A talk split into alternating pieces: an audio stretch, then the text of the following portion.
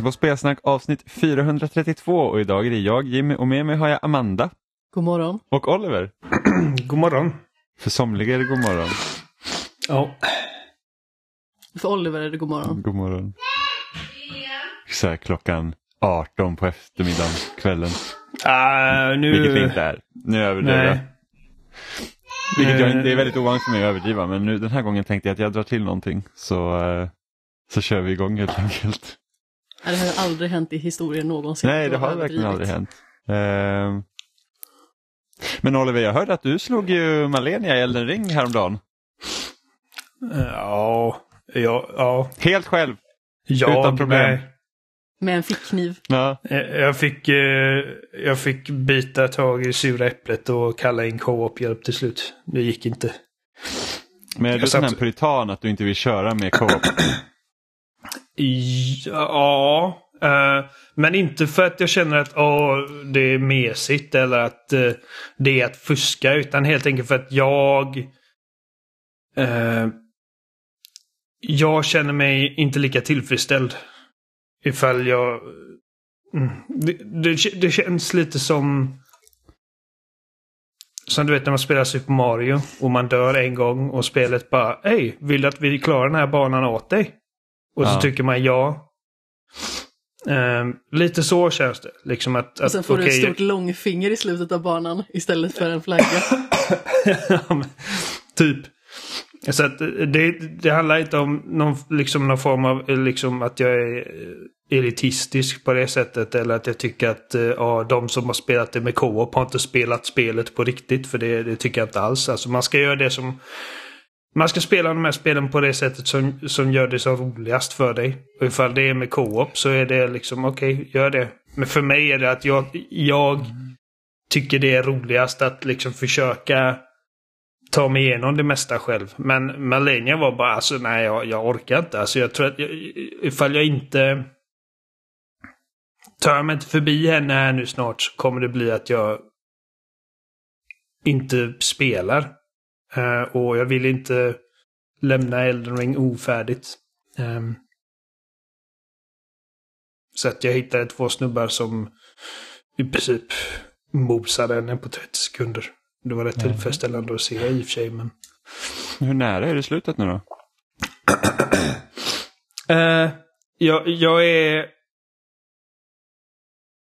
inte jättenära Platinum, men jag är ganska nära Credit, som man ska säga. Alltså, det, det känns som att om jag hade liksom gått direkt på, uh, ska man säga, Main Path just nu så hade jag kunnat klara det ganska snabbt. Mm. Eh, jag har några... Jag hade velat ta Platinum. Tog du alla achievements? Jajamensan. Eh, alla de här, om det, liksom, det är en grej som jag känner är liksom, som, som eh, gör mig lite nojig och det är de här achievementsen eller troféerna för att ta alla legendary vapen, talismaner och grejer. Det finns, jag tror det finns bara ett enda legendary vapen du kan missa. Om, om du triggar igång slutet. Och den är i Leyendell. Okej. Så att, eh, och den finns på, du vet det finns de här två jättestora typ statyerna i mitten av banan. Då ska du klättra upp på eh, typ den här blixten. Ja men det är typ en, en blixtsvärd eller vad det nu är. Och så, så i mitten av den så finns det så finns vapnet så det är bara att springa upp på den och så har du den. Okej. Om jag vill minnas rätt. Det är, jag tror att det är den enda grejen du kan missa och den måste du ta innan du liksom triggar igång. Liksom, ja, det är väl inte point of no return men det är liksom någonting händer i alla fall så att Leyendell ändras. Eh, Men det är liksom... eh, Men, men det är egentligen bara liksom att följa typ okej, här, är, här är alla grejerna. Det var inte så att någon grej var för jävlig att ta eller? Nej, det är väl vissa... Det är väl någon boss som är knuten till vissa legendariska typ grejer. Eh, Ja, det- som det kan vara med. lite, men liksom du har klarat Malenia så att no problems. Eh, Och jag har gjort det. Du är betydligt bättre på mig än de här spelen så att eh, det borde inte vara något problem. Och sen är det bara sen är det lite knixigt att få alla slut för man måste hålla på med molnsparning och sånt så att man inte savear över. ja, just det. Och det, det är lättare på Playstation än vad det är på Xbox. Ja, för på Playstation kan man manuellt liksom välja eh, Ja, vad man ska man typ- ladda upp till molnet och vad man ska ladda ner från molnet. Ja. Eh, på Ja. Xbox fick man göra så att då fick jag typ, man fick gå offline, göra ett slut. Sen när credits har rullat då får man gå online, få achievementen, stänga av, starta om. Och då får man synka ihop saven och då får du tillbaka din save som du hade innan du gick offline. Och så får man göra samma procedur tills man har fått allt. Okej. Ja, nej, Och så sen att... vi- eh, Och sen vet inte jag hur... Det kan ju vara värt att hålla koll också på hur du ska trigga igång alla slut också. Jag tror inte att du kan bli utelåst från något men jag är inte säker. Som jag förstår det finns det fler slut än vad det finns troféer för. Ja det finns det. Eh, Jag såg att eh, Dung Eater är... Hans questline är knutet till något slut, men jag tror inte att det var... Nej det är ingen achievement för den för den har inte jag gjort. Okej. Eh, Ja, nej. Så, alltså, det, jag ska ta Legendary-grejerna här så är det liksom några bossar jag har kvar. De flesta verkar befinna sig i det här crumbling... Det här liksom stora tornadostället. Ja där finns en del. Ehm, så just nu är jag på bossen... Uh,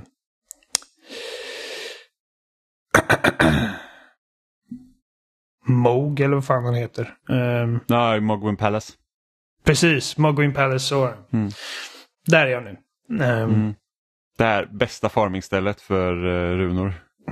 Ja, det är, fienderna är värda mycket där. Alltså. Ja det finns ett ställe där det typ kan vara typ 30 sådana här gråa små blobfigurer som inte attackerar dig om inte du attackerar dem. Plus några röda. Och där får man, alltså när, när, när Froststomp eller Hårfroststomp eller vad den hette eh, var som bäst så behövde man typ tre stampar genom det området så bara dog allt. Och så var det bara ladda om. Ah, nice. Eh, De var nu riches bitches. så det var kul. mm. Ja. Ja. En o, det har tagit okaraktäristiskt lång tid för dig att klara ut Elden Ring, Oliver. Alltså problemet är att jag har flummat så mycket mellan massa olika spel. Ehm, och börjat spela om gamla grejer. Som helt plötsligt så bara, åh, jag fick lust att spela Arkham, eh, så här, Arkham Asylum. Så blev det Arkham City, så blev det Arkham Knight. Ehm, Ah, det Så- klassiska, jag spelar om ett spel och nu kör vi igenom hela serien. Ja, Du är inte sugen på att börja spela Assassin's Creed, Oliver? nej gud nej. Du bara börjar med etta, sen en vecka senare bara, jag drog igenom hela serien. Typ 2000 timmar Assassin's Creed. Det roliga är att alltså, Assassin's Creed har jag ändå spelat. Det är det spelet jag... Det enda Assassin's Creed-spelet jag har spelat mer än en gång. Det första. Det första. ja. Och det beror väl lite på att det kom liksom relativt tidigt, den konsolgenerationen. Så jag hade inte hundra andra spel vid det laget. Ehm, men jag tror jag klarade det tre, fyra gånger. Gud, jag hatar första spelet med passion. Jag tycker, jag tycker det är ganska dåligt faktiskt.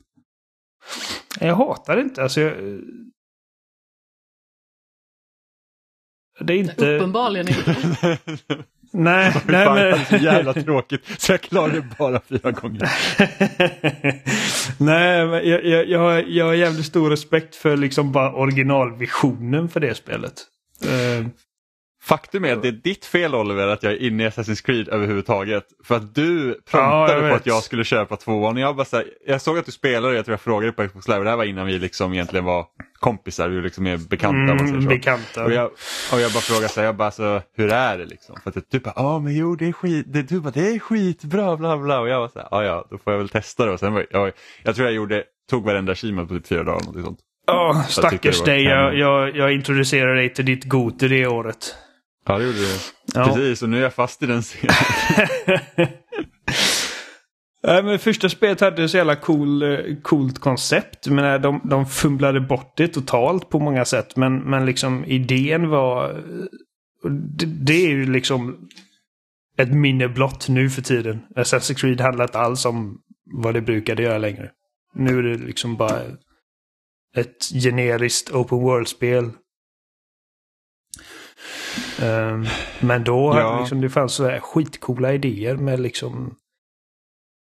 ehm, Nej, jag älskar verkligen hela tvåan, det här med att man verkligen gick in i den här renässansen med all liksom konst som skapades under den tiden och sen så band man ihop det med hela konspirationen. Liksom att det var så här, här Mm. är en gammal tavla och här kan du se de här symbolerna. Liksom, det kändes som man mm, upptäckte en, en viss historia som varit bortglömd. Liksom. Det fanns en, ett lager bakom. Ja, men typ så här, om man läste typ Da Vinci-koden, de här Dan Brown-novellerna liksom, på eller romanerna säger man väl, eh, mitten av 2000-talet. Så liksom det, det är lite samma, samma grej. Det här med att oh, men här har vi all här historia du har känt till men det finns ett lager till som du inte visste om och nu liksom nystar man upp i det. Det var det som var så, gjorde det så spännande.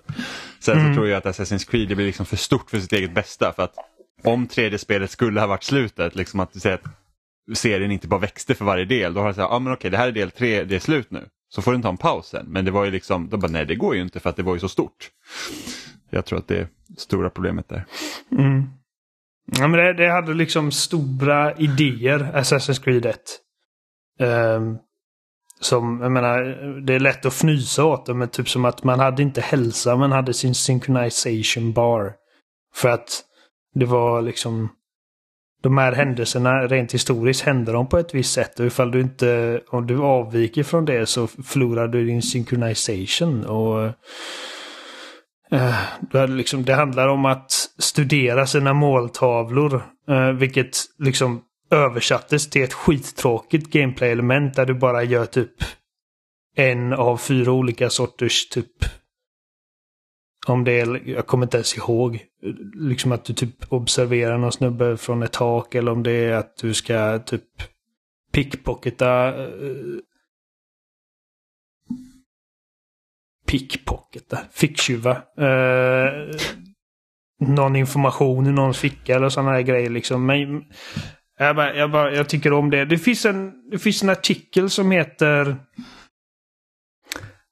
typ liksom 10 reasons eller whatever why Assassin's Creed 1 is the most awesome in the series som finns på Forbes. Ja. Jag vet inte om du har läst den. Den blev en stor snackis när nej, den det har jag kom. inte gjort. Ehm, här, 8 reasons why Assassin's Creed 1 is still the most awesome game in the series av Carol Pinchevsky. Eh, och eh, hon tar, tar upp många av de anledningarna till att liksom jag ändå fortfarande har liksom mycket respekt för det spelet. Jag tycker det är, hon, hon tar upp många, många bra poänger. Eh, men som, alltså jag förstår ifall du hatar det spelet för att det är liksom, alltså bara som, som en så här gameplay-upplevelse så, så lämnar det rätt mycket att önska. Ja. Och liksom, ja, du får inte, du får liksom inte eh, galoppera med hästen och då blir folk sura på dig för att det är liksom typ suspekt beteende att galoppera. Eh, och hur världen Ja, det fanns, var ingen liksom... rim och, det fanns liksom ingen rim och reson i va- varför du blev misstänkt. Det var verkligen Nej. så att, åh, här kommer liksom en full gubbe och puttar dig och då bara Åh! Han den där ser konstig ut, inte den personen som nu skuffar mig utan då är jag misstänkt för att jag blev knuffad. Det var liksom bara va? Eh, sen så önskar jag att eh, serien hade fortsatt med liksom ställt elementen för det är helt borta nu. Ja, ja, precis. Nej, det går Ja, liksom att kan- smyga, det men, det, men det, att det är smyga, inte det är alls precis byggt som- kring det längre. Nej, det är precis som alla andra smygarspel inom citattecken. Liksom, att du kan smyga men liksom systemen inte där för att liksom göra det eh, extra roligt. Det är inte Hitman till exempel. Nej. Det är som att eh, Hitman, du kan ju köra typ run and gun om du vill. Men det är liksom... Då, Ja, då, då blir kan det fel. kan, åt an- alltså. ja, ja, men det, är liksom, det blir åt andra hållet. Det är liksom, kan du sköta det snyggt? Det är det det är byggt för. Liksom, att du, du ska försöka vara så liksom slug som möjligt med Assassin's Creed. Där det är liksom så här, men, här har du din jävla tvåtandade yxa liksom och här sätter ni pannbenet på en fiende och sen har du typ 30 fiender till du kan göra samma sak på. Men du kan om du vill smyga. Liksom. Nej, precis. Jag menar, Hitman är liksom att det finns ingenting mekaniskt som hindrar dig från att dra fram ett vapen och skjuta alla. Förutom då liksom att du förmodligen är död inom tre sekunder. Ja, Eh, men precis. Men ja, nej, jag håller med. Jag, jag, jag önskar att Assassin's Creed fortfarande var Assassin's Creed. Liksom att det var liksom att du var en lönnmördare som höll dig. Och det, det har mycket gemensamt med, med Hitman liksom. Grundkonceptet i liksom att du är någon som gömmer dig in plain sight. Mm. Ehm, I folkmassorna och ja. Nej, var, eh, när den trailern kom jag tyckte fan vad coolt det här ser ut alltså. Mm. Ja, jag hade inte så koll liksom. Eftersom jag ägde bara Nintendo-konsoler så liksom tittade inte jag jättemycket på ja, men det som kom till Xbox och Playstation och sånt för att det var så här att jag vill inte kunna se det jag inte kan spela typ. Nej, jag, Jag- vill inte jag- bli frestad. Nej men exakt, jag hade liksom ingen jag, liksom, jag hade ingen koll på Assassin's Creed eller Mass Effect eller Bioshock och de liksom, stora spelen från den generationen liksom, i början utan det kom ju sen. Och det som egentligen som sålde in mig på en annan konsol än liksom Wii, det var Mirror's Edge. Jag var bara såhär, Mm. okej det här ser så speciellt ut, jag måste ha en Xbox eller Playstation. Liksom. Och sen på den vägen. Men eh, E3 kickade igång den här veckan, ish. Eh, som inte existerar egentligen längre men eh, ja, inte den här veckan, förra veckan då när ni lyssnar. Men så Sony hade sin State of Play visning den här gången som fokuserar på tredjepartstitlar och inte deras egna. Och det är väl egentligen det som kickar igång då Jeff Keelys där Summer Game Fest som ska vara den här veckan. Och eh, Microsoft och Bethesda har ju sin visning om några dagar också. Och jag tänkte se här liksom, för vi alla sett den eller hur? Ja, ja. Ja, vi såg den tillsammans. Ja, precis. Det var lite konstigt att du har sagt nej nu Amanda. Nu- nu- Men, så jag undrar, liksom så här, för att det var ganska mycket spännande titlar som visade här och jag tänkte att vi ska välja då tre stycken som vi tyckte bäst om och så går vi laget runt och så får vi se när vi har alla sagt våra tre titlar. Då. Men jag tänkte Amanda börja med dig. Vad, vilket spel var det du tyckte såg mest intressant ut på den här visningen? Jag vet inte riktigt om det var något som såg mest intressant ut. Och jag har liksom inte rangordnat dem heller. Men jag Ja, tänker att behöver jag du inte börjar göra. med Stray. Stray. Jag älskar katter.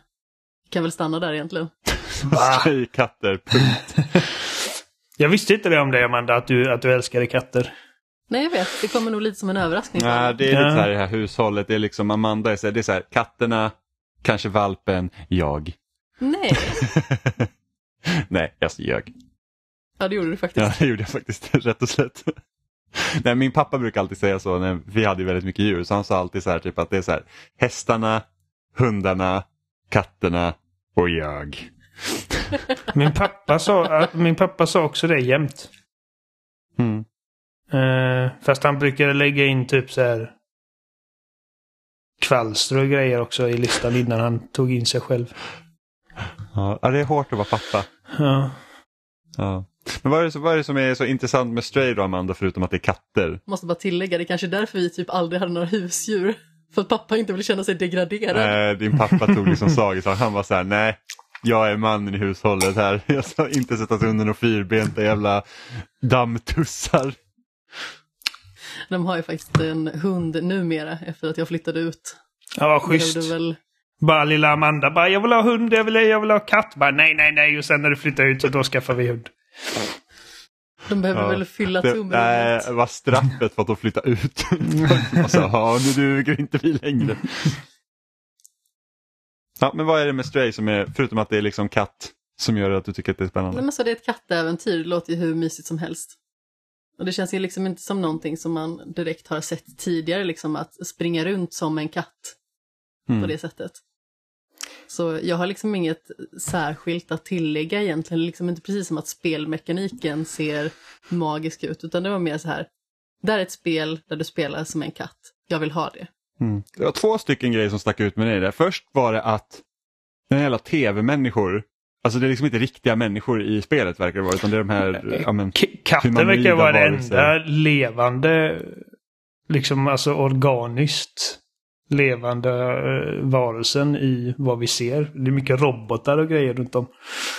ja, vilket så här förvånade mig, för jag tänkte liksom att det skulle kanske vara ett mer av det lilla jag visste av spelet på tidigare var liksom att, att ah, nej, men det är, liksom- man är en katt liksom i en mänsklig värld. Liksom, Som att har det, rymt hemifrån. Ja, men, eller någonting, liksom, så jag vet inte, jakt på mat eller vad som helst. Eh, och andra delen var det att, för att jag, jag förstod att det skulle vara någon form av typ plattformsspel som man spelar som en katt.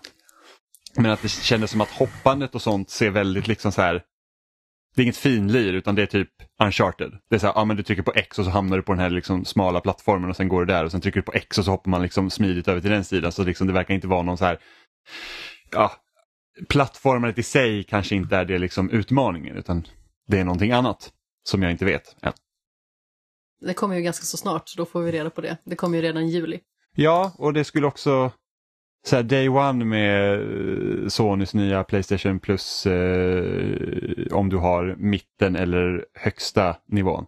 Så precis som Game Pass har liksom det en Precis vad de heter, extra eller premium tror jag. Jag tror det är Playstation Plus Extra, Playstation Plus eller Playstation Plus Essential, Extra och Premium. Det, det, det är för svårt. Det är, det är för många steg. Om det var det så var det med andra ord Det är, play, det är Playstation Plus, Playstation Plus Plus eller Playstation Plus Plus Plus. Som tågkorten. Ja men precis.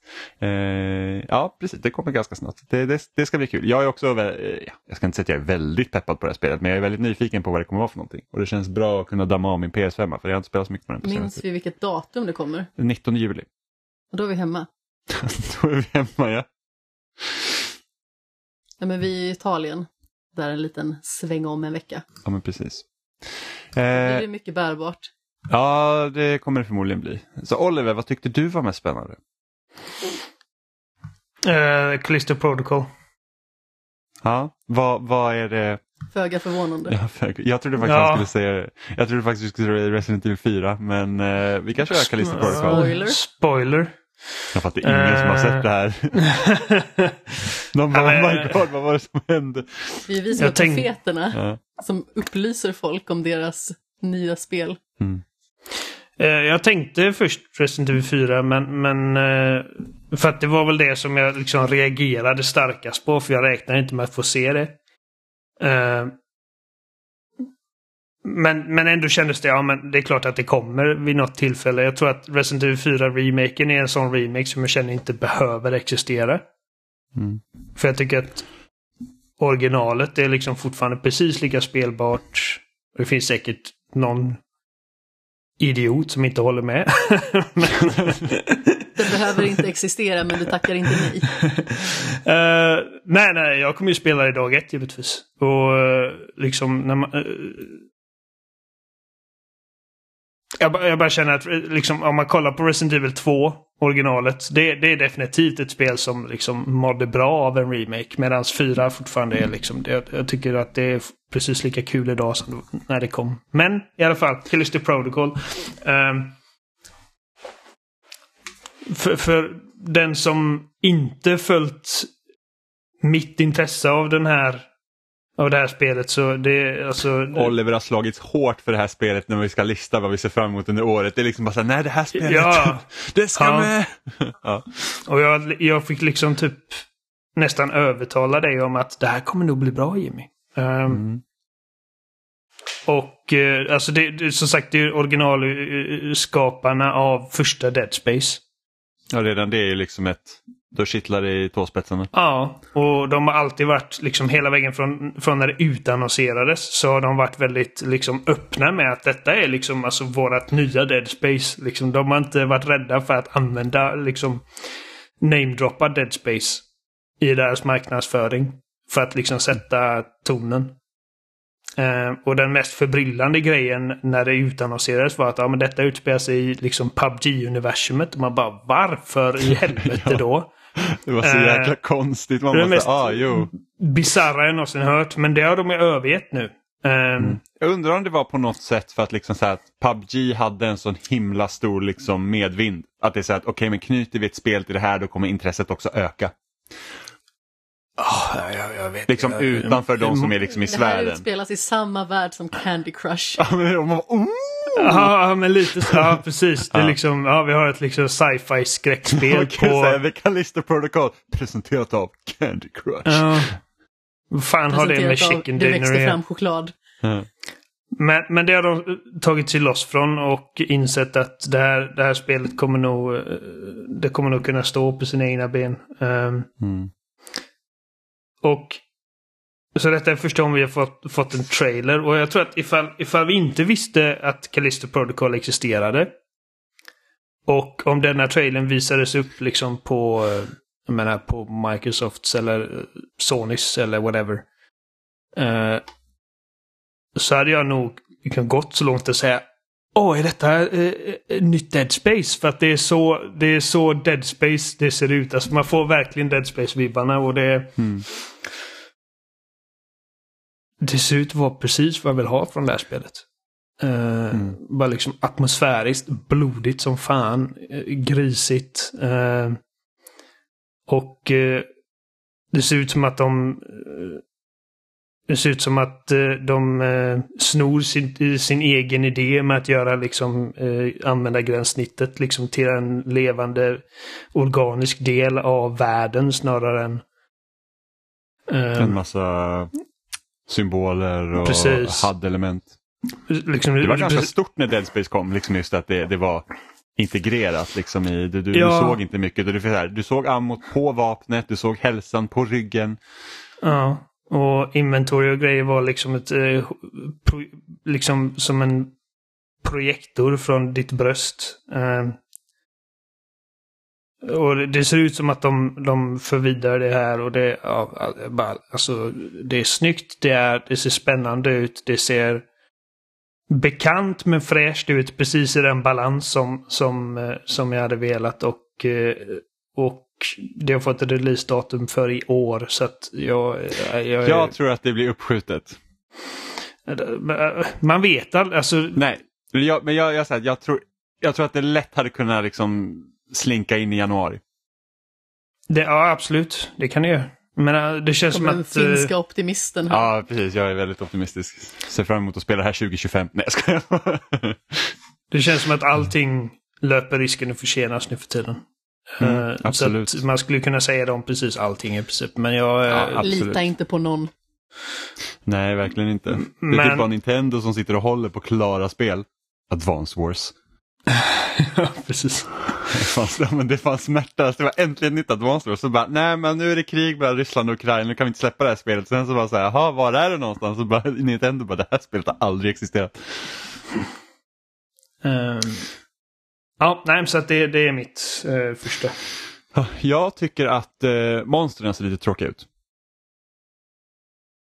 Ja, alltså, Av det lilla vi såg. Det var liksom bara så att okej, jag, jag, jag känner så här typ, jag minns när typ den första Dead Space-trailern jag såg den och den här blinka lilla stjärna liksom och det var de här typ stora jäkla typ sylvassa, alltså det såg verkligen så här förvridna humanoida monster, alltså de, de såg verkligen äckliga ut och det här var liksom så här, ah, alltså jag vet inte riktigt, jag har, får ingen feeling för monster. Jag kommer såklart spela det här spelet för att jag älskar Dead Space, men eh, ja, monstren har lite att leva upp till Ja, alltså, ja, de, de monster vi ser i trailern är ju inte lika liksom... eh, riktigt lika fucked up eh, och spretiga som uh, necromorphsen är. Som har liksom typ stora liar som lemmar. Mm. Eh, och jag tror att ifall... Om den sortens monster vi ser i... För att det är mycket liksom... eh, bara humanoida former med typ två ansikten och grejer liksom. Så, alltså... Ja. Jag tror att ifall, ifall spelet släpps och det inte kommer liksom andra fiendetyper. Så... Ja, men det, ja, jag tror inte att de visar hela handeln liksom på en gång. Nej, precis. Så jag, Eh, jag, ja. jag reagerade också lite på det, men jag, men jag är inte orolig heller. Jag undrar om de kommer ha någon liksom speciell liksom stick för att döda monstren som Dead Space hade. Du vet, det var så här att ja, men du skjuter av liksom lemmarna för att sen liksom kunna döda dem. Jag undrar om de kommer ha något liknande här så att det inte bara är så här, ja men peppra fullt på det här monstret sen dör den. Eh, I så fall så, så framgick inte det. Nej, men alltså det är också så här att de behöver inte visa allting. Nej. Liksom. Eh, så det hade jag hoppats på. När spelet visades upp första gången så tyckte jag att det såg väldigt häftigt ut eller spännande ut. Men jag kommer ju förmodligen inte spela det för att i så fall skulle jag behöva typ vuxenblöja. Hur bra mådde jag av att spela? Jag vet inte hur bra du mådde spela Dead Space men du gjorde det i alla fall. Så skräck, jag tycker skräck är så fantastiskt att spela. Just för att det är liksom så här, att du kan inte gömma dig bakom någonting utan du måste liksom gå framåt själv. Ja, precis. Jag Fast jag har ju den grejen liksom att när det blir för läskigt då blir jag ju typ paralyserad. Mm. Jag kan inte. Ja, det var som när jag och Robin skulle spela första Amnesia.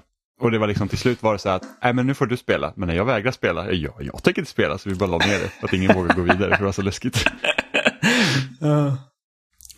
Ja. Nej men det ser fram emot det. det och andra december är det sagt då att det ska släppas. Mm. Eh, det spelet jag tycker ser mest spännande ut, det kommer faktiskt lite oväntat för att det hade jag inte själv räknat med och det är Street Fighter 6. Mm. Eh, jag är ju väldigt dålig på fightingspel och ändå har jag alltid, liksom, det finns alltid en sån här liten så här, kittlande tanke så att oh, men det hade varit kul liksom bara försöka bli bra på ett fightingspel. Eh, inte för att förglömma att jag inte klarar mig genom tutorialen på Killer Instinct för att jag behövde sätta ihop två långa kombos och då var min hjärna Ja, men, men det gjorde inte jag heller. Alltså det, det var fan svårt. Det var skitsvårt. Jag var så här, när jag hade klarat första den här långa kombon, jag bara, ja det där tog mig typ 20 minuter för lång tid att klara. Och sen var det så här, direkt efter det, då bara, ah, nu ska jag göra den här plus en till. Och jag var så här, nej, det går inte. Eh, och jag har ju alltid liksom varit så här att jag har ju spelat lite Street Fighter, så typ första Xbox Live Arcade-spelet jag köpte var ju Street Fighter 2 Turbo HD Remix. Eh, och sen köpte jag också Street Fighter 4 när det kom och liksom har försökt och, och även om jag tycker att de liksom är svåra.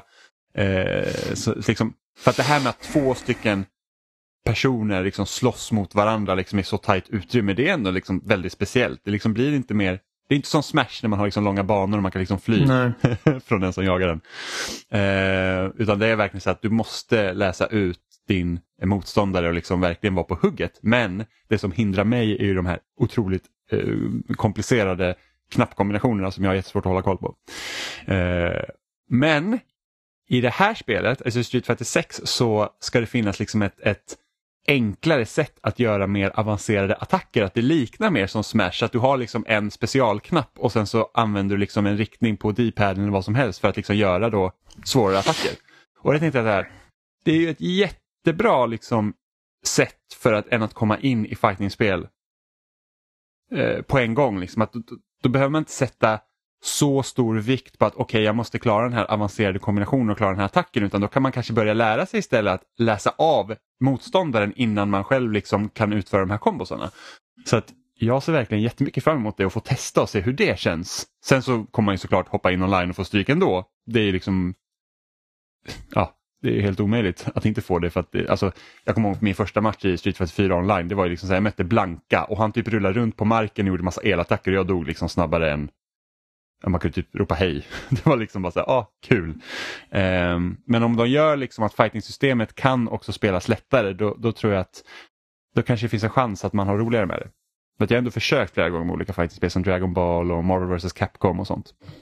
Uh, och då tycker jag ändå att Street Fighter är ju är svårare på grund av att man måste göra olika riktningar på styrspaken. Liksom att det är inte så att du skriver så här A, A, X, X, Y och så gör en attack utan det är typ så här, ja men svinga stickan 180 grader åt ett håll, håll in bak, tryck de här två knapparna och sen typ en halv måne framåt. Typ, eller någonting sånt. Så att det blir ju, det är svårt.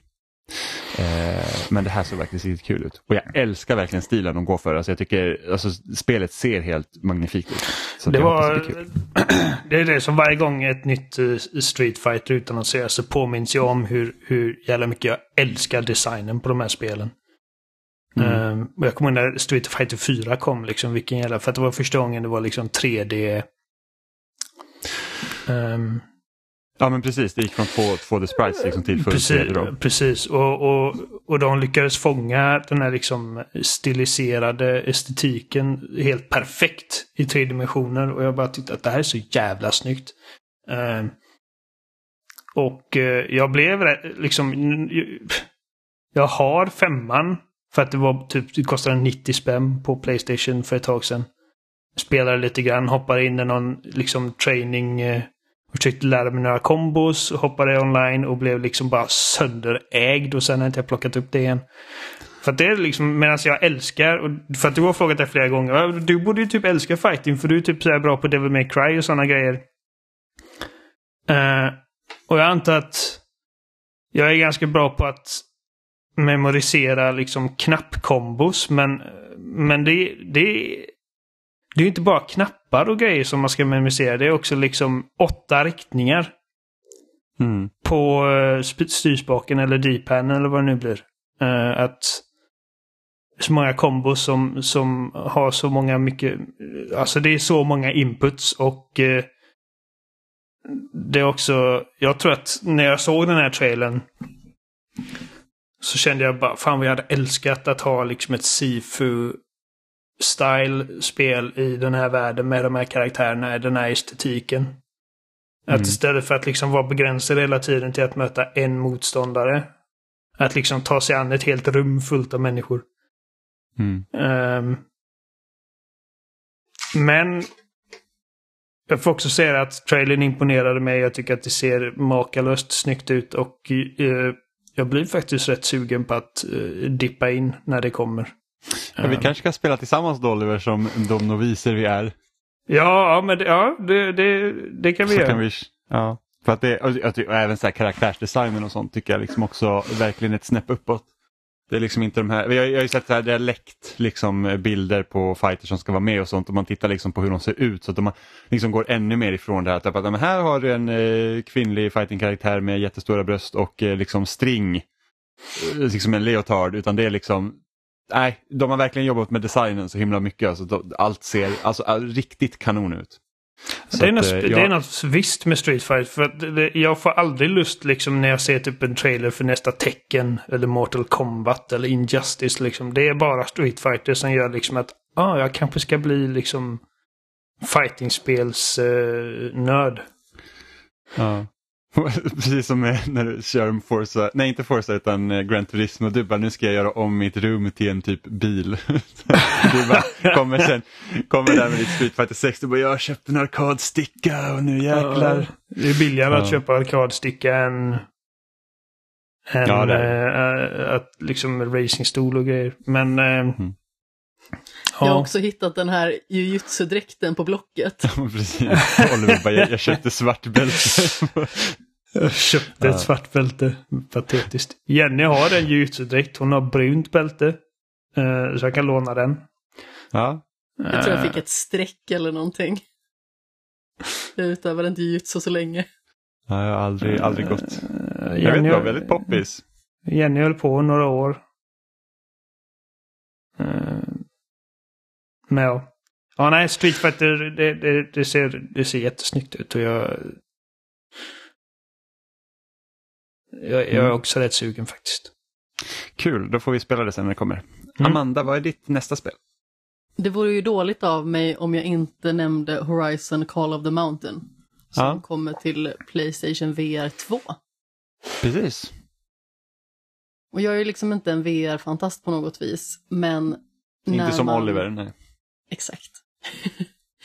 Men när jag liksom såg de här eh, stora liksom maskinerna ifrån den vyn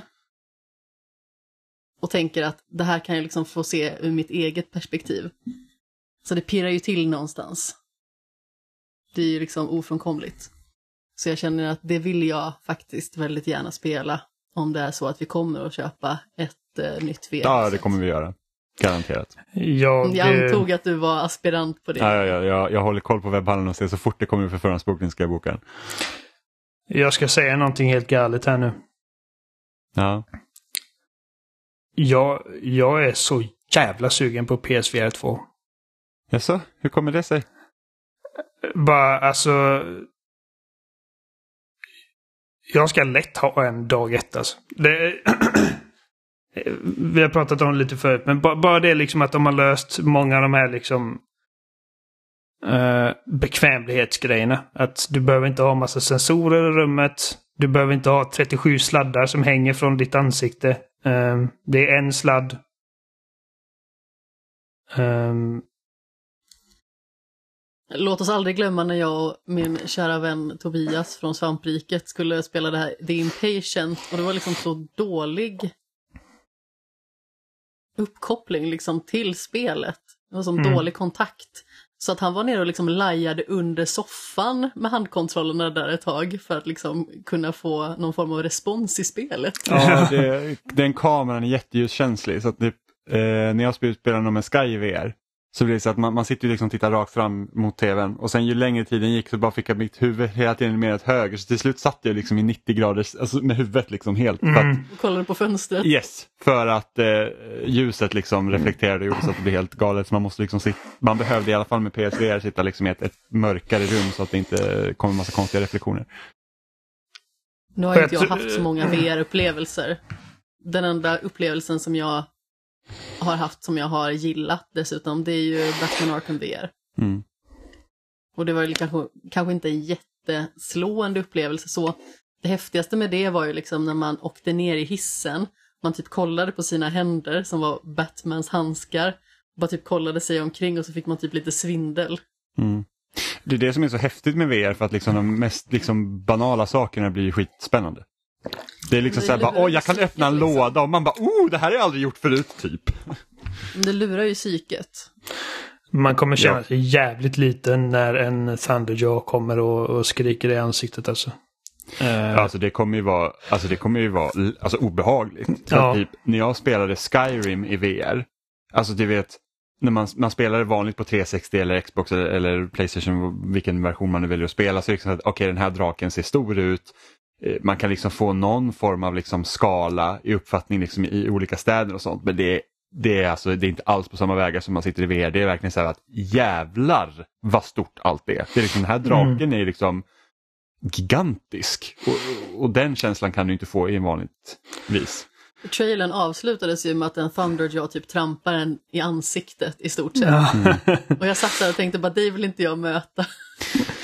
Nej, och jag tror att det jag kan tänka mig är ganska liksom spännande med det här projektet är det att de kan ju liksom det behöver inte vara så stor skala på, på liksom hur det rör sig. För att liksom Horizon är ett stort open world-spel och man liksom tar sig liksom över hela kartan. Det Liksom, är en annan protagonist också. Ja men precis. Eh, och här antar jag att liksom man ska då typ, det visar att man ska klättra upp på det här berget och sånt, att man, man, man tar tillvara på många så olika grejer som så här, ja men det här hade varit kul att göra i VR och så kan man liksom så kan man begränsa det liksom till, till en viss del, liksom att du behöver inte få den här open world-upplevelsen men liksom du har med att okej men du har vissa liksom moment som du ska gå igenom då. Så det blir väl förmodligen en mer linjär upplevelse.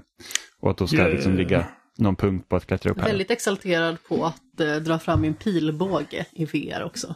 Mm. Kommer känna mig så cool. Mm, ja, men det, är liksom, de spelmomenten passar väldigt bra ihop med VR, eh, med VR helt enkelt. Du kommer komma hem från jobbet, kommer du se mig så här, sitta och huka bakom en kudde och du bara, vad gör du för någonting? Jag sitter i en buske. ja,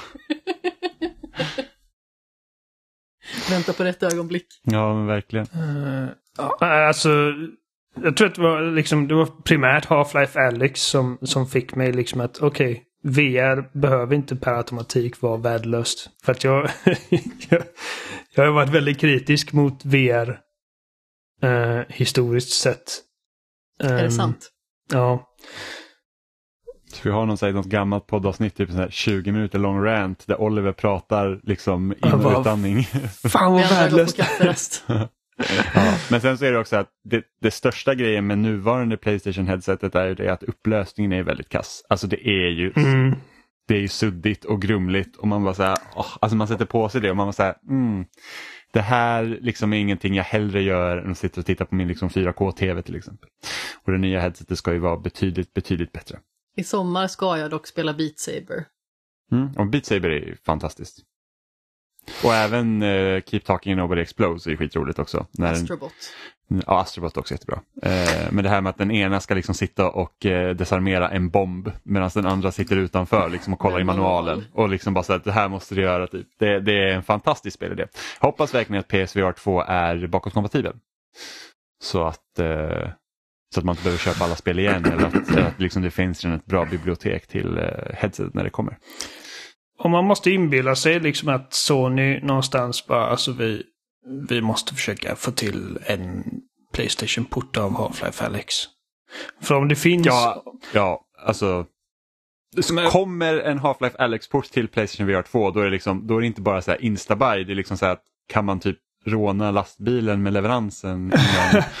Men om det existerar en system seller för en VR-enhet så är det Half-Life Alyx. Ehm, så att jag menar, det, ligger definitivt i Sonys intresse att försöka få det att hända. Sen är frågan ifall det händer ifall, ifall Valve är sugna. Men ja.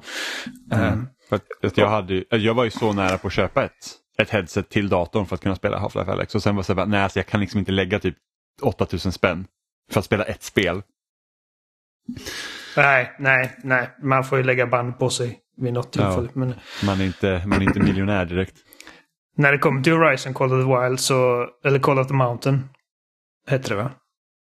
Ja. Ja. Ehm. precis. Det, alltså, jag tror att det som, som jag överraskades, lite överraskades av, men, men känner mig betryggad av var att det verkar inte vara den här liksom typ on rails upplevelsen som det såg ut att vara eh, i eh, den första trailern. För att då tänkte man liksom, okej, okay, de, de har gjort liksom en typ en en typ interaktiv liksom film eller någonting. Man sitter i den här båten och får kolla på Tallnecks och grejer. Men, men det ser ut att vara liksom ett mer involverat spel där du dels får liksom manuellt klättra på ett berg och du får uh, använda liksom... Så, De här fula Rayman-händerna. Ja. uh, du får använda pilbåge, du, du har typ klätteryxor och grejer så att liksom att de lyckas... Att de de gör mer involverade liksom, spelmoment av det. Och eh, jag tycker också det ser spännande ut. Det känns som ett perfekt spel att bandla med själva enheten med också. Jag tror ja. att, nu är det inte säkert att de gör det för att... Uh, ja, att det... Om de inte typ släpper det till typ deras Playstation Plus-tjänst då. Dagen. Jag tror mm. inte att de kommer göra det men det hade varit liksom någonting att okej okay, men du köper ett headset, du får premium eh, tre månader eller vad som helst och med det så kommer också Horizon eller något sånt. Jag hade kunnat mm. tänka mig att de hade gjort någon form av skin till själva konsolen i sig också. Alltså man har de här häftiga Horizon-symbolerna på. Ja. Mm. Ja, nej, bra val. Vad är ditt spel Okej, okay, ja men då blir det Resident Evil 4. Ja, vem hade kunnat ana? Uh... Även om jag känner, som sagt känner att det spelet inte behöver en remake så är det liksom, ja men det, alltså, det, det kan ju säkert bli bra ändå. Uh, det ser mörkare ut än originalet. Um, mm. Om man kollar. Och uh, jag tror säkert att de kommer ändra grejer. Um, precis som de har gjort med remakes av tvåan och trean. Liksom att de har typ kastat om vissa grejer och framfört storyn på ett visst sätt. Uh... Är det någonting du hade velat skulle ändras? Alltså, den enda delen av originalet som, som inte ska man säga, håller måttet. Men även första gången jag spelade så var det okej, okay, det här är inte lika kul. Men det är ju liksom sista ön man åker till. Mm. Um, ja, den är för jävligt tråkig. uh, för att då, då börjar plötsligt de här liksom zombiesnubbarna komma med miniguns och grejer. Och jag har alltid känt att uh, jag vill inte se fiender med miniguns i Resident Evil-spel. Alltså det... Ja, oh, nej. Sen är frågan, jag, jag tror att den ön är förmodligen fortfarande kvar i spelet. Men ja, det känns som att de och detta är liksom bara magkänsla baserat på det lilla vi såg av, av trailern. Men det känns som att de eh, försöker lina in lite mer i att liksom göra det till en lite liksom mer eh, påtryckande, läbbig upplevelse än en action-upplevelse. Mm. Vilket eh, jag är helt för. Mm. Jag undrar hur de kommer liksom göra lite med så här typ fiende, när du möter olika fiender och sånt. För det som var så jävla stort när det här släpptes det var ju det att fiende liksom eh, beteendet var ju någonting som man inte riktigt hade sett förut. De var ju mycket smartare och de liksom försökte tränga in dig och runda dig och klättra in genom fönster och det var liksom så här att det var nästan aldrig sett något liknande då. Eh, mm, nej, och man kunde skjuta olika delar. Det. Ja, det är liksom, jag kommer ju aldrig glömma det var ju det här när man möter den typ första motorsågsmassak-snubben. Mm. Och jag springer in i ett rum och stänger dörren för att det var så spel fungerade då. Du stänger en dörr och sen kommer inte de in efter dig för att de kan inte. Och han sågar sönder dörren och jag fick ju sån jäkla panik. Det var liksom bara, här kommer han, jag har typ inget skott. Här kommer han svingandes med sin jäkla såg och jag blev ett huvud kortare liksom och fick typ panik. Så det är liksom att, åh, det är sådana grejer man vill uppleva liksom igen. Så det är frågan om hur de ska liksom, hur de ska göra det. Om de ens försöker göra så. Det vet man inte. Och sen mm. undrar jag om de kommer Kommer det vara två separata kampanjer med Leon och sen så kommer du även kunna spela liksom extra grejer med Ada Wong? Eller kommer de försöka liksom sätta ihop alltså att det är ett helt paket? Liksom? För att det verkar, av trailern att döma så verkar ju liksom jag skulle misstänka att hennes delar kommer också vara spelvara. Ja, Ada, hon är ju med i trailern. Mm. Ehm, och i remaken av tvåan hade de ju två kampanjer medan i trean hade de en kampanj där man fick byta karaktär. Så att det är liksom det är lite 50-50 hur de väljer att göra med det här spelet. Mm. Ehm,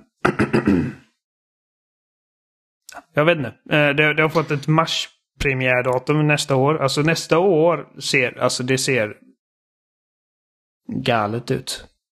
Eh, särskilt liksom bara första halvan. Liksom. Det är mycket som har blött in i första halvan från i år. Och ifall Mm. God of War inte, inte blir färdigt för i år. ehm, Fast det verkar som att eh, det pekar på att God of War ska släppas i september. Om man ska tro ryktesvägarna. Jag, jag, hade, jag hörde en, jag lyssnade på en diskussion om det igår, liksom den 31 eller det var 30 september. Eh, vilket inte är helt orimligt. Eh, jag, jag, jag, om jag var tvungen att gissa så hade jag sagt att God of War kommer i år. Eh, just det här septembergrejen är lite, för att det är liksom så här. När man har ratingsboards och grejer. Att eh, eh, september 31 och sen december 31. Mm. Eh, det är liksom sådana här placeholders för kvart- kvartal. Så att... Jag behöver inte säga Ja. någonting men, eh, men september känns rimligt. Men det är eller- heller ingen orimlighet att vi kanske får Nej, se mer precis. av God of War på, under Summer Games Fest eh, under veckan. Så att eh, Nej. man vet aldrig. Eh, och sen måste tänka på att det första God of War, eller ja, det som släpptes 2018, att när, när release-datumet liksom avslöjades för det spelet så var det typ bara två månader innan det skulle släppas. Alltså det var ju liksom jättetätt inpå. Mm. Så att det är ingen omöjlighet.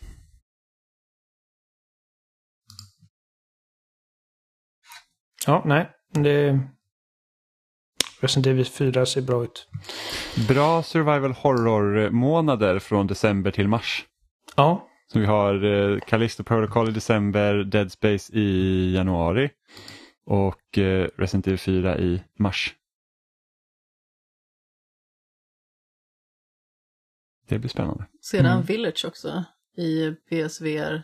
Ja, men ja, just det. Jag ska fan spela Village i VR alltså. Och, och Ja. De sa att det skulle komma eh, VR-material till Playstation 5-versionen av Resident Evil 4 också. Eh, Mm. Eftersom att de säger det på det sättet så förmodar jag att det inte kommer vara att du kan spela kampanjen i VR. Eh, utan att... Jag kommer ihåg typ eh, om det var Rise of the Tomb Raider eller Shadow of the Tomb Raider som hade något liksom VR-läge där man kunde gå runt i Lara Crofts hus eller whatever. Vilket in, inte är jättesexigt. Det kan också vara att man kan spela Mercenaries i VR ifall de lägger till Mercenaries-läget. Ehm, ja, precis. men ja, nej alltså Resident Evil Village eh, tycker jag ska bli jättekul att spela i VR. För att eh, där, nu när de har... För jag, jag hade kul med sjuan i VR. Jag var tvungen att spela klart det tre gånger så att jag kunde memorisera alla jumpscares och grejer för jag vågade inte annars. Uh, men uh, det, var, det var en väldigt speciell upplevelse i, i VR. Uh, eh, och nu när de till och med har liksom ordentliga kontroller och grejer så kan man ju ja, typ dual-wielda grejer. Man kan ha en shotgun i en arm och en pistol i den andra. Så att det, det, det ser framåt. Mm. Eh, så mitt eh, spel nummer två, det får nog bli eh, Season. Eh, A Letter to the Future. Och det här visades ju typ på E3 för kanske två år sedan. Eller något sånt. Jag minns inte. Det är, nog, det är nog ett par år sedan i alla fall det visades första gången. Jag blev liksom direkt så här, åh det såg fint ut för det är liksom den här tecknade grafiken. Och sen var det just det här att det ser ut liksom att ha ett lite annat fokus än den vanliga vi ser liksom i typ actionspel. Utan det var så här att ja, men här har du liksom en värld att upptäcka. Jag tror det visade sig upp samtidigt som Open Roads. Ja, det är mycket möjligt. Var det på en, var det på Sonys visning eller var det någon annan?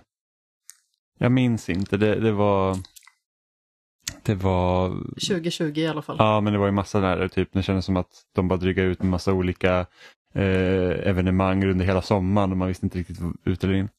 Eh, och det, så jag tycker det fortfarande ser spännande ut. Det ser liksom ut som någon så här Studio Ghibli, liksom så här med ja, men liksom varelser som inte, alltså det är inga människor eh, enbart utan det är liksom lite olika typer typ av varelser så det är väldigt så här, känns väldigt fantasifullt och just det här att du ska utforska och fotografera och filma och sådana grejer. Eh, det hoppas jag blir riktigt eh, skoj. Faktiskt. Ja, så har vi nå Amanda, spel nummer tre. Ja, jag tänkte säga Season. Men eh, då säger jag istället eh, Rollerdrome. Ja. Från eh, Olli Olli-utvecklarna. Ja, men precis. Olly Olly World var ju ett spel som verkligen var fantastiskt.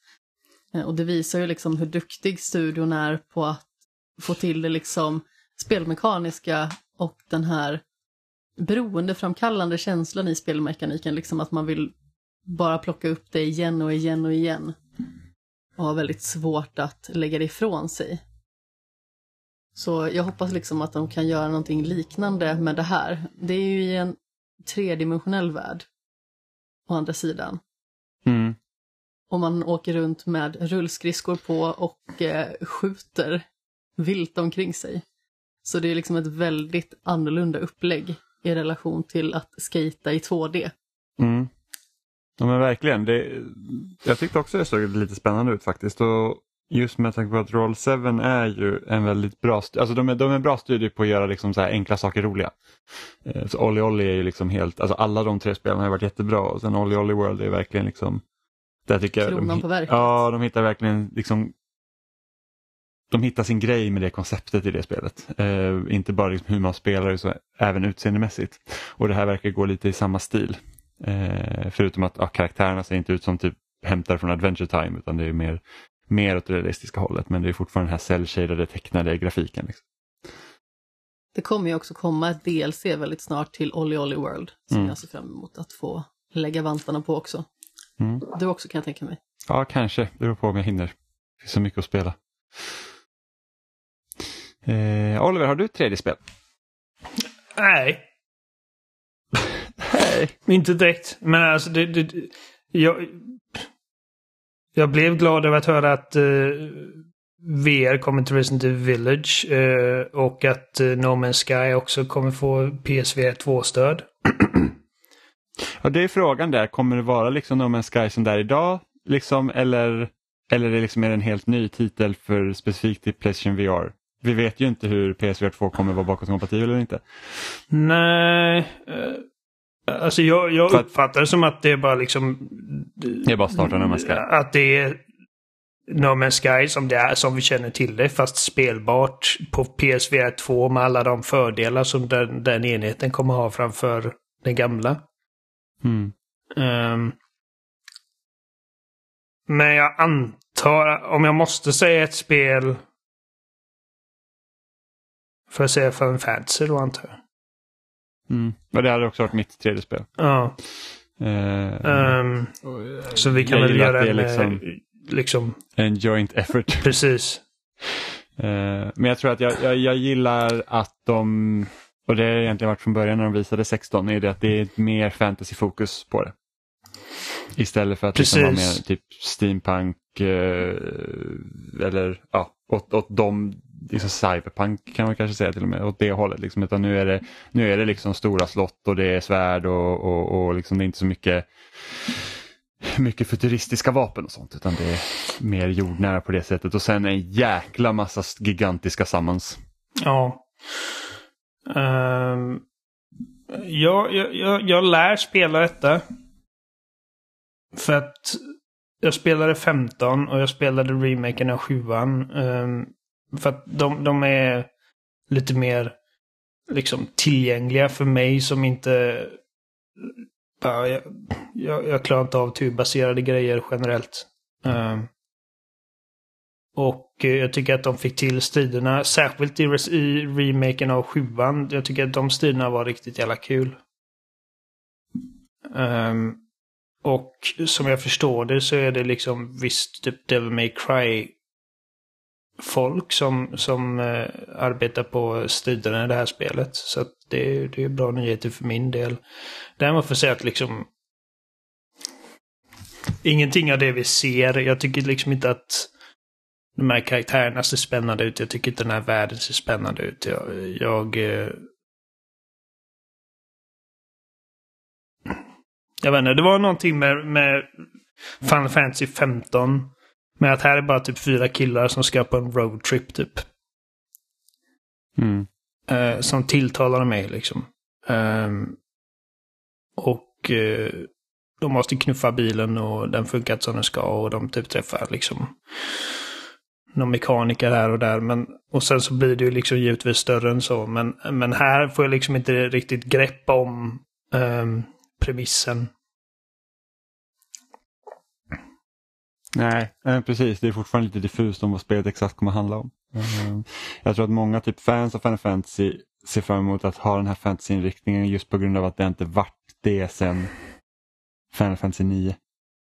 Som är liksom det sista, eller senaste liksom riktigt fantasy-inriktade spelet. Sen har det varit liksom mer åt framtidshållet. Såklart mm. blandat med massa magi och liksom svärd och sånt men det har ändå inte varit det primära. Um, men jag har du? inte gillat, alltså jag har inte gillat en, ett modernt Final Fantasy. Alltså jag tycker Final Fantasy 15 inte är jättebra, jag tycker Final Fantasy 13 definitivt inte är bra. Eh, sen har jag ju spelat 12 och 10, 7 eh, de senaste fem åren. Liksom, eh, för att liksom bekanta mig mer och mer med serien och ju längre bak i tiden man går ju bättre är de. Förutom då Final Fantasy 7 Remake som jag tycker är helt kanon. Alltså jag tycker att den delen har varit så himla himla bra. Eh, det var fantastiskt. Ja, så att jag ser också fram emot det här på grund av det. Hade det bara varit Final Fantasy 15 i fickan innan så hade det varit så här, ah, ja men alltså jag kommer nog förmodligen spela det för att det är Final Fantasy men det är liksom inte som man så här, over the moon. Eh, men sen just det att han som håller i projektet är ju, om jag inte har helt fel nu, har varit liksom en av huvudutvecklarna på Final Fantasy 14. Vilket liksom har, alltså det online-spelet, att det, det har liksom gått jätte jättebra för det och liksom att folk mm. säger typ att det här är typ de bästa Final Fantasy-berättelserna liksom på flera, flera, flera år som är i, i det liksom spelet. Så att eh, då hoppas jag att det blir bra. Vi har ju flera kollegor på loading som älskar Final Fantasy 14, bland annat Alexander. Ja, precis. Ehm, och det är så att jag hade också velat spela Final Fantasy 14 men det känns inte som att jag har tiden att lägga ner liksom de hundratals timmarna det krävs. alla andra spel. Exakt, och det känns inte riktigt hållbart. Faktiskt. Ja, nej, men vad, okej, okay, generellt sett, vad tyckte ni om State of Play? Uh, jag var nöjd. Uh, helt helt okej okay effort. Jag, jag, uh, jag visste, jag hade inte ens koll på att det skulle vara någon State of Play utan jag skulle precis lägga mig och så typ scrolla igenom YouTube så såg jag där börjar om sju minuter. Jag bara, ja ah, men där kan vi kolla på och så började med Resident Evil 4 och jag bara okej. Okay. Det var den läggningen det. Ja. Jag kommer sitta uppe för detta och liksom för någon... För detta skulle väl inte vara deras liksom stora liksom visning för E3-säsongen eller? Uh, ingen aning. De har, inte, de har inte gått ut och sagt att de ska ha något mer kring E3 utan det enda jag visste på förhand var att de har en State of Play nu, det ska kicka igång Summer of Game Fest och det skulle vara fokus på tredjepartsutvecklare än deras egna. Ah, okay. eh, sen får vi se om det kommer upp någonting på Kilis liksom huvudshow. Om de har något att visa där. Om det visar sig att detta är allting Sony har att säga kring den här säsongen, då är, då är jag lite mindre liksom pepp. Men, men bara som någonting som bara random dök upp på, i mitt YouTube-flöde så, så är jag väldigt nöjd. Mm. Ja, jag håller med. Jag tyckte också att det ofta brukar det vara så när det är enbart tredjepartsvisningar så brukar det vara lite sådär. Mm. Eh, men i år så är det så många som inte har egna grejer. Så att då, liksom, då kan de gå till de här större och liksom visa upp sina saker och då, då får man ju se de här liksom lite mer stora, the heavy hitters så att säga. Så att jag, jag tyckte också det var bra, var sevärt. Nog en av Sonys bästa State of Play, annars brukar de vara ganska tråkiga. Jag, jag hoppas få se mer av, eh, eller få reda på mer om PSVR 2 under sommaren här. Jag trodde att vi skulle faktiskt få veta mer om det under den här visningen. För att det var ju lite det de sa tidigare också. De bara, men vi kommer ha liksom lite om PSVR eh, 2. Då tänkte jag att okej, okay, men då kanske det är det som är huvudfokuset och sen så får vi se lite från tredjepartsutvecklarna. Men det var ju liksom tvärtom egentligen. Jag hoppas ju på en release i år. Eh, jag har ingen aning om hur rimligt det är att hoppas på. Eh, Uh, Kanske Nej, att- det, det, är lite, det är lite kruxet det där med att de inte kan producera tillräckligt många PS5 och sen så släpper de liksom headsetet som också kostar jättemycket. Eh, så lite så att när... Hade det inte varit brist på komponenter då tror jag definitivt det hade släppts nu i höst. Eh, men annars tänker jag kanske Q1 eller Q2 nästa år. Mm. Ja, men jag, jag vill bara veta liksom. Så jag, jag vill veta prissättning, jag vill veta release. Ehm, jag vill få reda på hur bakåtkompatibiliteten... Blablabla. Ni vet, ser ut. Ja. Ehm, så, ja, nej. Ja, eh, skoj. Eh, vi har ju spelat lite också under veckan, eh, speciellt i alla fall jag och Amanda, för vi har spelat ett litet spel som heter Citizen Sleeper som vi inte ville bara hoppa över eh, denna vecka för att vi tycker att det är väldigt bra. Eh, Var spelar man detta? På, det finns på Game Pass eh, och PC Och Switch. och Switch. In, finns det på Playstation? Nej. Nej, okej. Så Switch, PC och Xbox då. Eh, och det är liksom som en interaktiv roman egentligen. Eh, Med rollspelselement. ja, precis med rollspelselement. Så det är liksom, du är en, eh, de kallas sleepers va? Ja men precis, och det är egentligen typ en digitaliserad människa. Ja, så att man, det är precis som man har liksom laddat upp sitt medvetande i en robot och de här robotarna används som liksom egentligen arbetare. Alltså de arbetar på den här rymdstationen där spelet utspelar sig. Eh, Berlins Eye. Exakt som ägs av liksom ett så här storföretag som är liksom typ ondskan själv egentligen. Eh, och du har lyckats fly. Och så landar du liksom någon, typ någon jävla skrothög på den här rymdstationen lite längre bort och du har liksom inte egentligen inget minne om vad du är för någonting utan du får liksom glimtar av det ibland. Eh, och då går det liksom Spelet går egentligen ut på att du liksom träffar olika människor på den här stationen, hjälper dem med olika liksom, eh, ja, men liksom problem som de har för sig. Och det kan vara allt från att, typ, så att ja, men jag driver det här kaféet eh, och jag behöver liksom kunna få typ eh, ingredienser till att kunna fortsätta driva det till att vara så här typ att jag Hjälp vill mig att plocka svamp. Ja, eller till att hej, det pågår en stor konspiration här och vi ska bräcka den.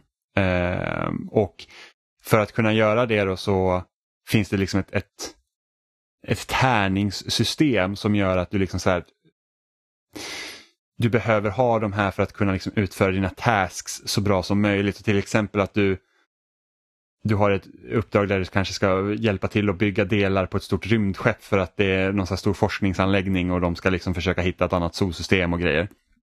Och då, då för att liksom du ska kunna avancera i det här eh, uppdraget då, då måste du liksom säga att ju högre tärningsslag du lägger på det här uppdraget ju bättre eh, resultat får du. Eh, och så får man väl vara lite det är lite så resurshantering, att du behöver också pengar, du behöver också energi till att liksom, så att inte din robotkropp liksom vittrar sönder och så måste du också äta. Och där kan det också vara så att ju större tärning du investerar, desto mer kryovaluta får du tillbaka. Ja men precis, liksom så att ju bättre tärningsslag på vissa grejer, ju, ju bättre utfall får du egentligen. Eh, Och sen så kan det vara så också att man går liksom in i ett läge där man eftersöker olika typer av information. Och för att kunna hacka eller för att kunna handla med data så behöver man liksom matcha en viss tärning. Så det kan liksom vara att men, om du möter den här ag- agenten som du vill eh, inhandla data ifrån så kanske du behöver specifikt en berätta, för annars kommer du inte kunna få den informationen eller nyckeln eller vad det nu kan vara.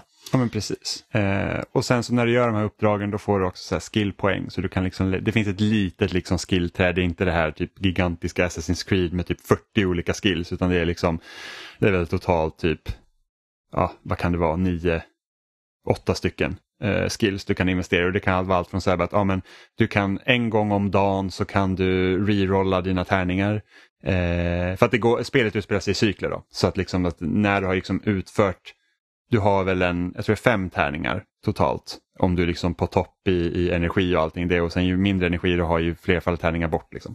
Eh, det är snarare det som avgör hur många tärningar man får, det är hur stabil man är. För i och med att man liksom är en digitaliserad människa så behöver man stabiliseras för att kunna utföra sina handlingar. Eh, Så man behöver liksom egentligen reparera sig. Eh, Och det kan man antingen göra liksom genom att gå till en doktor och få en stabilisator eller så kan man eh, successivt med vissa uppgraderingar då bygga ihop sig själv så att säga. När man då kanske hittar lite skrutt någonstans som man kan använda som typ reservdelar i stort sett. Mm. Och då finns det liksom dels den biten med hur stabil man är. Och sedan så finns det energibiten också. Så energi får man ju liksom till exempel av att äta. Eller andra saker som man kan liksom få i uppgradering. Men sedan så får man ju antalet tärningsslag beroende på hur stabil man är. Mm. Eh, men för min del så är det liksom inte själva spelmomenten som egentligen gör det här spelet så speciellt utan det är ju faktiskt de här olika människorna man träffar på den här rymdstationen.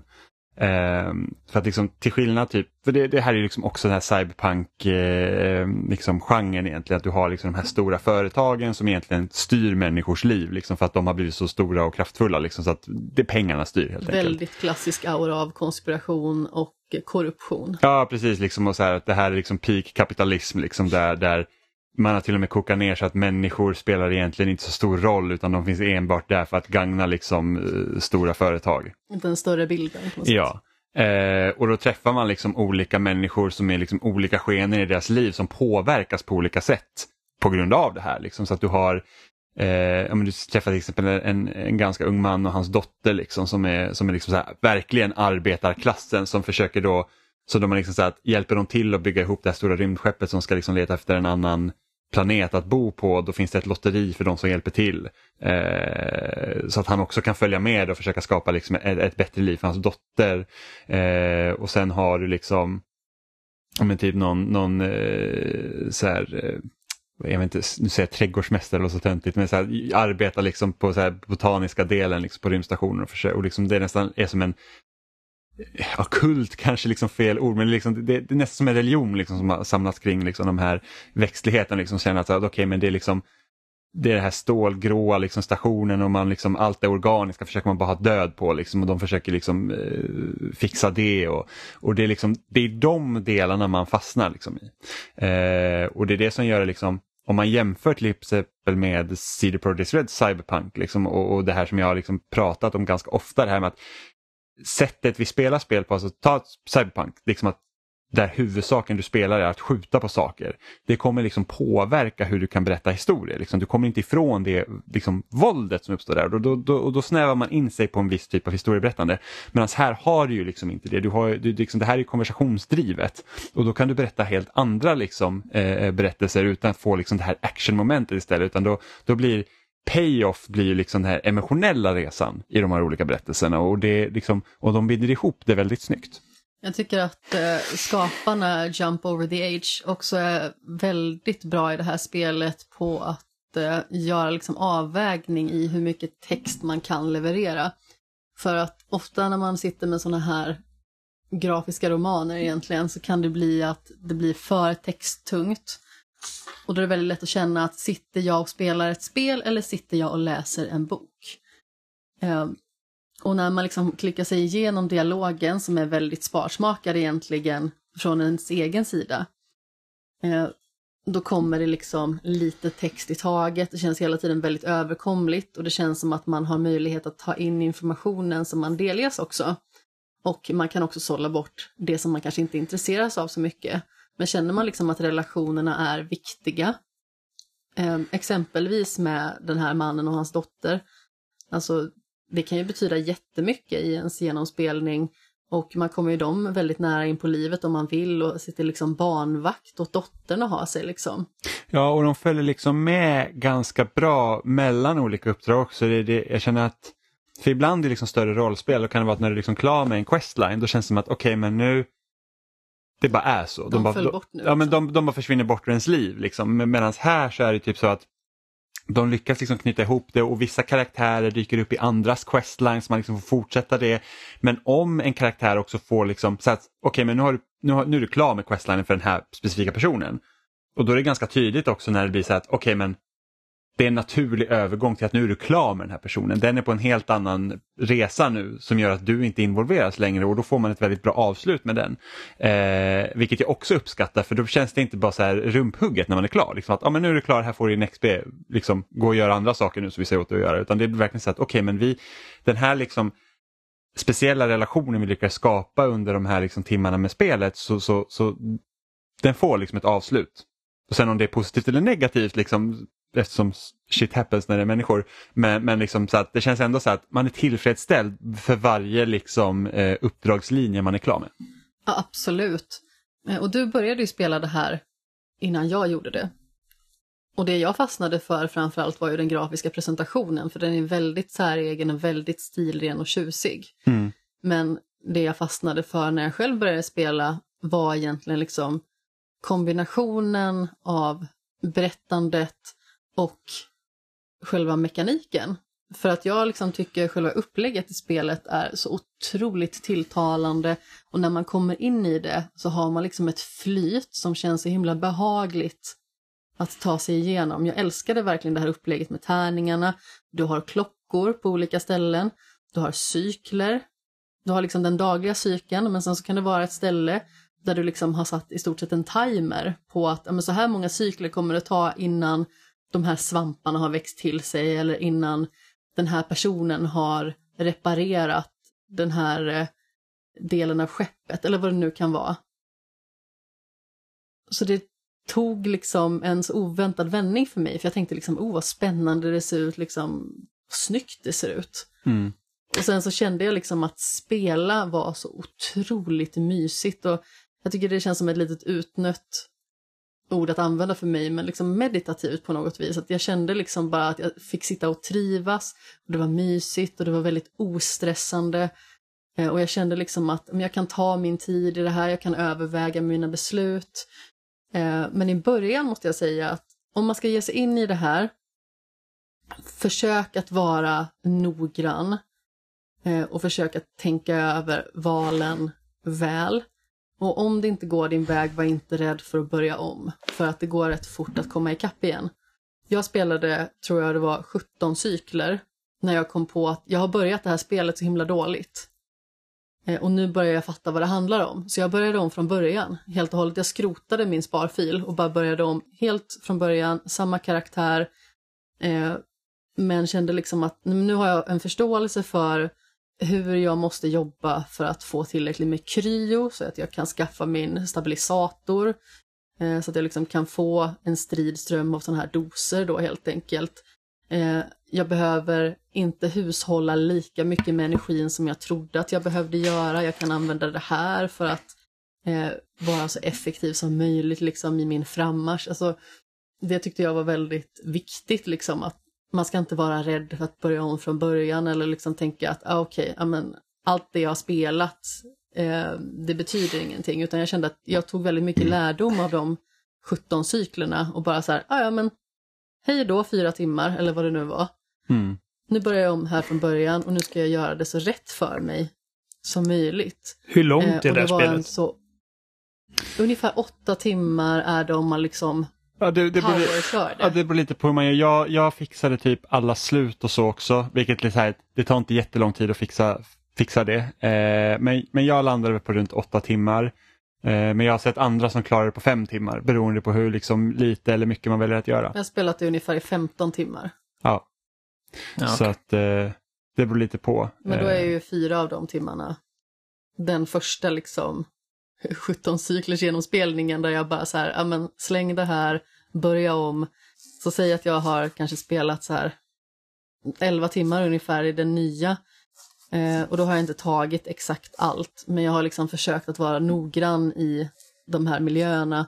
Den här rymdstationen, den är liksom väldigt lätt att förstå sig på. Det är väldigt lätt att ha en överblick över allting som händer. Det blir ju liksom mer expansivt allt eftersom man låser upp lite nya delar eh, och man låser upp nya ställen. Det finns vissa ställen som kommer och går som inte alltid är tillgängliga.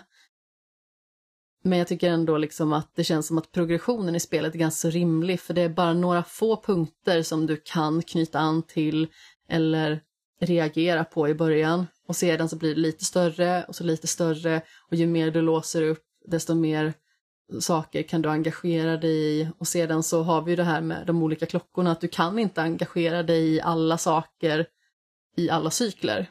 Nej, och det gör ju också att du slussas runt. Liksom, du blir inte fast i ett spår eh, helt och hållet och sen så när du är klar med det så känner du att du inte vet riktigt vad du ska göra utan det är så att okej okay, men nu är det där på paus, nu måste jag gå någon annanstans och då, då blir det liksom så att de blandar progressionen med utforskning väldigt bra. Eh... Och sen så kan man ju liksom vara insyltad i en grej ganska så länge. Alltså jag hade liksom en sån här lång session ändå av att jag satt typ och samlade sporer och eh, så till liksom att jag odlade massa svampar som jag sedan exporterade för att få massa valuta. Och sedan så eh, löste jag några uppdrag där man behövde ge bort svampar och sedan så odlade jag nytt. Så jag höll liksom på så i ett gäng cykler liksom. Men eh, det är inte oändligt på något vis. Nej, ett väldigt, alltså väldigt bra spel. Jag, var, jag blev positivt överraskad för det var ingenting jag hade planerat och liksom inte spela utan jag såg det bara på Game Pass. Jag bara, det här ser lite trevligt Magiskt, ut. Magiskt, verkligen. Eh, jag det älskar var, det. Ja, eh, jag skulle nog också säga att det är ett av årets bästa. Eh, och det är inte det, det, är inte så stor liksom, investering om man vill. Liksom, så att det, man kan eh, klara det ganska fort. Jag kan säga att gillar man inte långsamma spel så är det väl kanske inte ultimat men jag tycker att man kan ge det en chans om man har Game Pass för att det är liksom bara att testa, känna efter. Och behöver man ett spel där man liksom kan mysa runt och lite ta sin tid och tycka att det är häftigt att vara ute på en rymdstation, eh, passa på.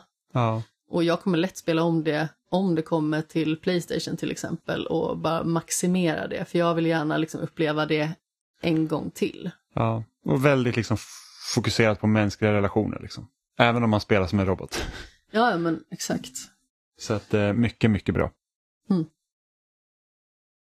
Jag kan säga att jag spelat lite annat också. Jag kan dra två snabba. Jaha. Eh, jag har spelat The Jumping Taco. Jaha, vad är The Jumping Taco? Eh, man kan säga som så här, trodde jag att The Jumping Taco var något mer än att hoppa 500 gånger med en taco för att få en Platinum-trofé på tre minuter. Eh, ja, jag kanske hade hoppats att det kunde vara typ en liten plattformsbana eller någonting. Men det var det inte. Så hur kommer det sig att du ens övervägde att köpa ett spel som heter Jumping Taco? Jag känner att det är lite så här att jag känner bara namnet ringde liksom typ alla varningsklockor. Jag vet inte. Jag tror att det gick en propp och så tyckte jag att Jumping Taco låter gulligt. Ja. Och så kostade det 15 kronor. Jag tänkte att jag kanske får spela en liten bana i alla fall. Men eh, det jag gjorde var att jag hoppade med en taco 500 gånger medan du var på dass. Och sedan fick jag en Platinum. Så man kan i princip säga att du köpte en Platinum-trofé för 15 kronor? Ja, 15,90. 15,90. ja, men då så. Ja, då så, ja, precis. What a stil! Eh, jag har faktiskt tagit en Platinum-trofé till dock. Uh -huh. I eh, Donut County. Som är lite mer matigt får man ändå säga. -huh. Jag känner att det är mycket så här fika-tema. Taco och det är donuts. Ja, ja men Donut County är ju kul.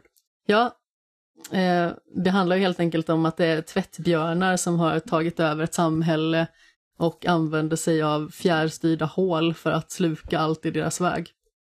Eh, och ju mer hålet slukar, desto mer expanderar det. Så när den här ansvarige för hålen, skurktvättbjörnen BK, ställs mot väggen vid typ en underjordisk lägereld så återberättar varje invånare hur hålet eh, som kom när de trodde att de typ beställde munkar, kom och liksom slukade alla deras tillhörigheter. Och sedan så börjar resan liksom i att de ska försöka ta sig därifrån. Och eh, egentligen ta sig in i de här tvättbjörnarnas högkvarter. Så det var ett ganska så charmigt spel, alltså det var väldigt märkligt. Och det var inte riktigt vad jag hade förväntat mig, jag vet inte riktigt vad jag hade förväntat mig i och för sig, men eh, för att citera Jimmy så är det väldigt tillfredsställande att stoppa ner saker i hål. Men det är väldigt tillfredsställande. Det, jag spelade Donut County för, för några år sedan. Eh, och jag tror att jag bara liksom, bara taglinen tycker jag bäst om det. Är så här, Have a garbage day. Det liksom säger ganska mycket. Eh. Ja men det är typ sådär att varje gång man har avverkat en invånares typ tomt, eh, då kommer den lilla taglinen som att men, nu har du levererat den här donuten som egentligen är ett slukhål. Eh, ha en bra dag. Ja, ja men det, det, det, är lite så här, Donut Count är lite, lite på samma nivå som typ Untitled Goose Game Liksom det är så att vi har en idé här som är lite så här, den är lite knasig och sen så kör man liksom stenhårt på det. Och de gör det ju ändå på något sätt rätt bra. Alltså det var en mysig upplevelse på typ så här fyra timmar eller någonting sånt. Mm. Ja, men lite så här inventerat Katamari Damacy. Liksom där, där samlar du skräp på liksom en stor boll. Eh, Och bollen blir också större. Ja, bollen blir också större och sen så kan du bara ta över fler och fler saker. Det, det var ett spel, alltså jag spelade det Katamari Damacy Reroll eh, i vintras. Och, och jag har aldrig liksom spelat det, jag tror man säger Katamari Damacy egentligen. Men, men och jag, jag har alltid liksom velat spela det just för att det ser så knasigt ut. Och det har funnits liksom ända sedan Playstation 2-tiden. Men jag hade aldrig gjort det och så kom det till Game Pass och jag bara, men nu passar jag på och det är faktiskt rätt så kul. Alltså det, det är faktiskt rätt så tillfredsställande att liksom att här börjar jag med en liten boll och sen så rullar jag över massa skit och den blir bara större och större och större och till slut så kan man rulla upp typ stora byggnader och grejer och, och, och liksom så. Samma sak med Donut County, liksom att du börjar liksom sätta i små saker i det här hålet och sen blir det bara större och större och större och till slut så bara slukar liksom en hel bana nästan. Nej men precis, från typ tegelsten till silo. Ja men precis, att det, det, är liksom, det är bara så här, det är bara kul. Det, liksom, det behöver inte vara mer än så. För att beskriva det liksom på ett korrekt sätt så är spelet ganska så muppigt liksom. Men det är liksom charmigt ändå i sin muppighet. Ja, och jag tycker väl ändå att det är kul att liksom det finns också utrymme i dagens klimat att man kan spela sådana spel som Donut County och The Jumping Taco. liksom. Jag vet inte riktigt om det egentligen finns utrymme för Jumping Taco. Ja men tydligen 16 spänn för en Platinum-trofé. Jag, tror att, jag, tror, jag slår vad om att de tjänar tillräckligt mycket pengar på just bara det att de kan sälja i princip en Platinum-trofé. för Jag att upptäckte ju liksom sen att det fanns, när jag hade spelat klart det här på tre minuter, så såg jag ju också på Playstation Store att det fanns ju massa andra sådana här avarter. Typ Ja. The Jumping Hamburger, The Jumping Pizza och man bara så här, jag känner mig lite lurad. ja, ja men alltså det är samma sak här. Eh, My heter, name is Majo. precis, också så här liksom att Det princip- finns tydligen en tvåa och en trea. Ja, ja, men du köper i princip en Platinum-trofé och sådana liksom trophy hunters som liksom älskar sånt, det är liksom så här bara att ja, men självklart kan man lägga lite pengar på det och så tänker du att säg att 100 000 köper liksom varje titel. Det är ju ändå en ganska liksom ansenlig summa för någonting så enkelt. Ja, ja, men precis. Alltså jag känner mig lite besudlad efteråt. Ja, Och- men jag vet inte riktigt vad du förväntade dig när du köpte ett spel som hette Jumping Taco. jag vet inte, jag gillar Det tacos så och det lät gulligt. Det kändes så uppenbart. Du hade kunnat gå i den fällan, du älskar också tacos. Jag älskar också tacos, ja. jag hade sett The Jumping Taco och bara så här, det där är en scam. Jag är för lättlurad. Ja, verkligen. Men det är inget du kommer att kasta dig på eh, att köpa nu då Oliver när du har hört hur länge enkelt det är att få Platinum i The Jumping Taco. Du bara, men jag gillar också tacos. Nej tack. Du kanske vill köra på The Jumping Pizza istället. Mm, eller hamburgare. Nej, Ja. Ge mig ju- jumping eh, spaghetti och köttfärssås då, då kör vi. Jumping Meatballs. Uppföljaren till Genital Jousting. Innan vi avslutar vill Ja. jag bara uppmana alla till att gå och se Top Gun Maverick på bio. Det är ett mästerverk. Det är, alltså, jag, jag lovar att ni aldrig sett något liknande. Och den, den är, alltså, det är en masterclass i filmmaking som Alltså jag begriper inte hur fan de har gjort det. De, de, har, de sätter skådespelarna i riktiga jävla jetplan. Det är helt jävla sjukt. Ett mästerverk. En av de bästa uppföljarna som någonsin gjorts. Jag gillar inte ens Top Gun 1. Ja, vi kanske får gå och se den Amanda. Det återstår att se. Det får jag se själv. Nej, det, det finns inget negativt med den. Du är en idiot om du inte älskar den här filmen. Seriöst. Eh, Jag kommer ihåg när vi såg Mission Impossible Fallout Oliver på Mm. bio. Och jag är ingen Mission Impossible-fantast men alltså den filmen var fan amazing på bio. Den är, ja, ja precis. Och, och det är en sån, alltså... Mm. Se den på bio för att det är liksom... eh, det- Ja, gud. När, när man känner jetmotorerna liksom bara dåna i eh, högtalarna och... det- Alltså, mest sinnessjuka jävla stunts och... Eh, ja, oh, nej. Alltså Tom Cruise är... Uh, han är knäpp, men han är, alltså, han är typ världens bästa underhållare. Seriöst. Längderna han går till för att ge dig bara en oförglömlig bioupplevelse är helt sinnessjuka. Och, Min favoritroll som han har gjort är ju den i Tropic Thunder.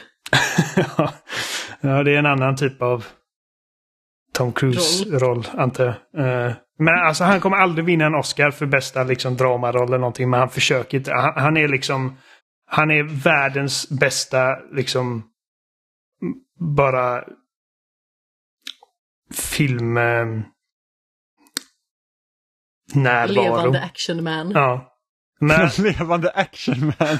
typ, alltså, men alltså äh, det- är helt obegripligt. Vad, vad, Ja, han, vad han är villig att göra liksom för att, bara, bara, för att, bara för att du ska ha liksom kul på bion. För att det är alltså... Jag, jag hade verkligen inga förväntningar på den här filmen.